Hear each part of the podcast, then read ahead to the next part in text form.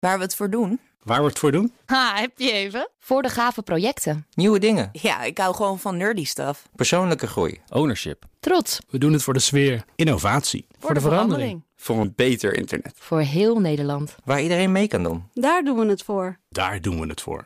Waar doe jij het voor? Kom werken voor KPN en groei op jouw manier. Check de actuele vacatures op het gebied van data, security, development en networking op jobs.kpn.com/tech. Snappen s'nachts, hè? Wetenschap vandaag. Uh, wetenschap gaat vandaag over uh, het maken van een waterfilter met superkleine poriën, waarmee zelfs ionen van elkaar gescheiden kunnen worden. Dat is onderzoekers gelukt. Waarom dit goed nieuws is voor waterzuivering wereldwijd, daar gaan we het over hebben met niemand minder dan Carlijn Meiners, onze wetenschapsdirecteur. Carlijn, goedemiddag. Goedemiddag.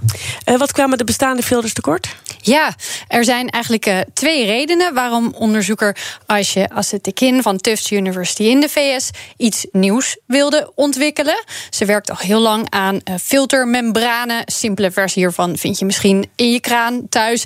En de meer geavanceerde varianten in een waterzuiveringsinstallatie bijvoorbeeld. Nou zijn die laatste al behoorlijk goed in iets als ontzilten. Uh, maar een van de grote problemen blijft dat ze moeilijk schoon te houden zijn. When you put seawater through these filters, it will stick to its surface and build layers. Some bacteria may start growing on it and cause what is called biofouling. And that is often one of the um, biggest issues with the um, energy used for these processes. Uh, the other concern is that uh, filters can are very good at uh, separating big from small. They are sort of like a mesh. They are decent at removing big things while passing small things. But what I really wanted to do was to come up with some membranes that will perform more complex separations. Dus bestaande membranen zijn allereerst moeilijk schoon te houden.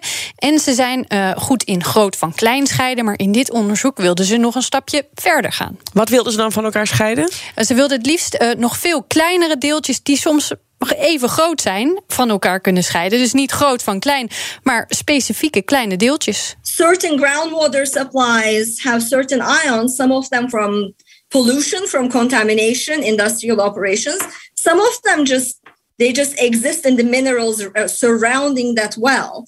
There are certain groundwater supplies that have arsenic around them, for example. Uh, just naturally, that is what the minerals around them have in it. And it is really challenging to remove arsenic from salt, of which there isn't a whole lot. So you could drink it if it weren't for the arsenic. Another challenge is fluoride, which, at least in the US, we added to the drinking water to protect our teeth. But if there is too much of it, especially when children are very young, uh, that can cause really severe bone deformities. Ja, ze geeft een paar voorbeelden van dingen die je dan graag uit water zou willen kunnen zuiveren. Uh, dingen die gewoon in de natuur voorkomen, die toch in het water terechtkomen. Iets als arsen, maar ook fluoride. Ze zei het al. Ze Even arsen voor de record. Ik denk dan arsenicum, dat, is dat, dat, dat wil je niet, toch? Dat is dat giftige... Ja, het, het, ligt er een beetje aan hoe, in wat voor vorm het in het water terechtkomt. Maar je, wil dat eruit hebben okay, in ieder geval. Ja, ja. En uh, fluoride stoppen ze dus in de VS zelf in het drinkwater. Um, maar er zijn nog een heleboel andere dingen die je graag eruit zou willen kunnen filteren. Het moeilijke was dus uh, het, het ontwikkelen, iets ontwikkelen waarmee je dat ene kleine deeltje wel doorlaat en dat andere kleine deeltje niet. Niet alleen om het water schoner te maken, dat was wel het belangrijkste, maar ook om bepaalde hele kleine deeltjes te kunnen hergebruiken. Klinkt heel ingewikkeld. Hoe hebben ze het voor elkaar gekregen? Ja, ik wou een heel simpel antwoord voor je hadden. Nee, het is, het is best wel moeilijk om dit voor elkaar te krijgen. Uh, want die poriën moeten dan allereerst super klein zijn. Niet veel groter dan de ionen, die elektrisch geladen atomen of moleculen die je dan wilt tegenhouden.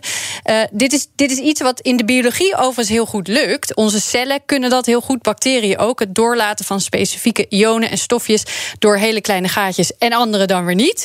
Maar het namaken daarvan is heel erg moeilijk. Hier hebben ze gewerkt aan een specifiek polymeer, een organische verbinding, die zichzelf soort van in elkaar klikt. If you design this polymer really well with groups that like each other and dislike each other, they can actually fold themselves to create these extremely small structures that are literally the size of molecules. Een polymeer met positief en negatief geladen deeltjes er al in, dat als je het goed ontwerpt, zichzelf precies in de goede structuur fout. Je geeft het dus een klein beetje uit handen.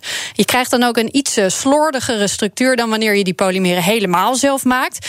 Maar op deze manier kregen ze uiteindelijk een filter met poriën die nog geen nanometer groot zijn. Omdat die kanaaltjes dan zo klein zijn, worden ionen in het water eigenlijk een beetje gedwongen om een interactie te hebben met het polymeer.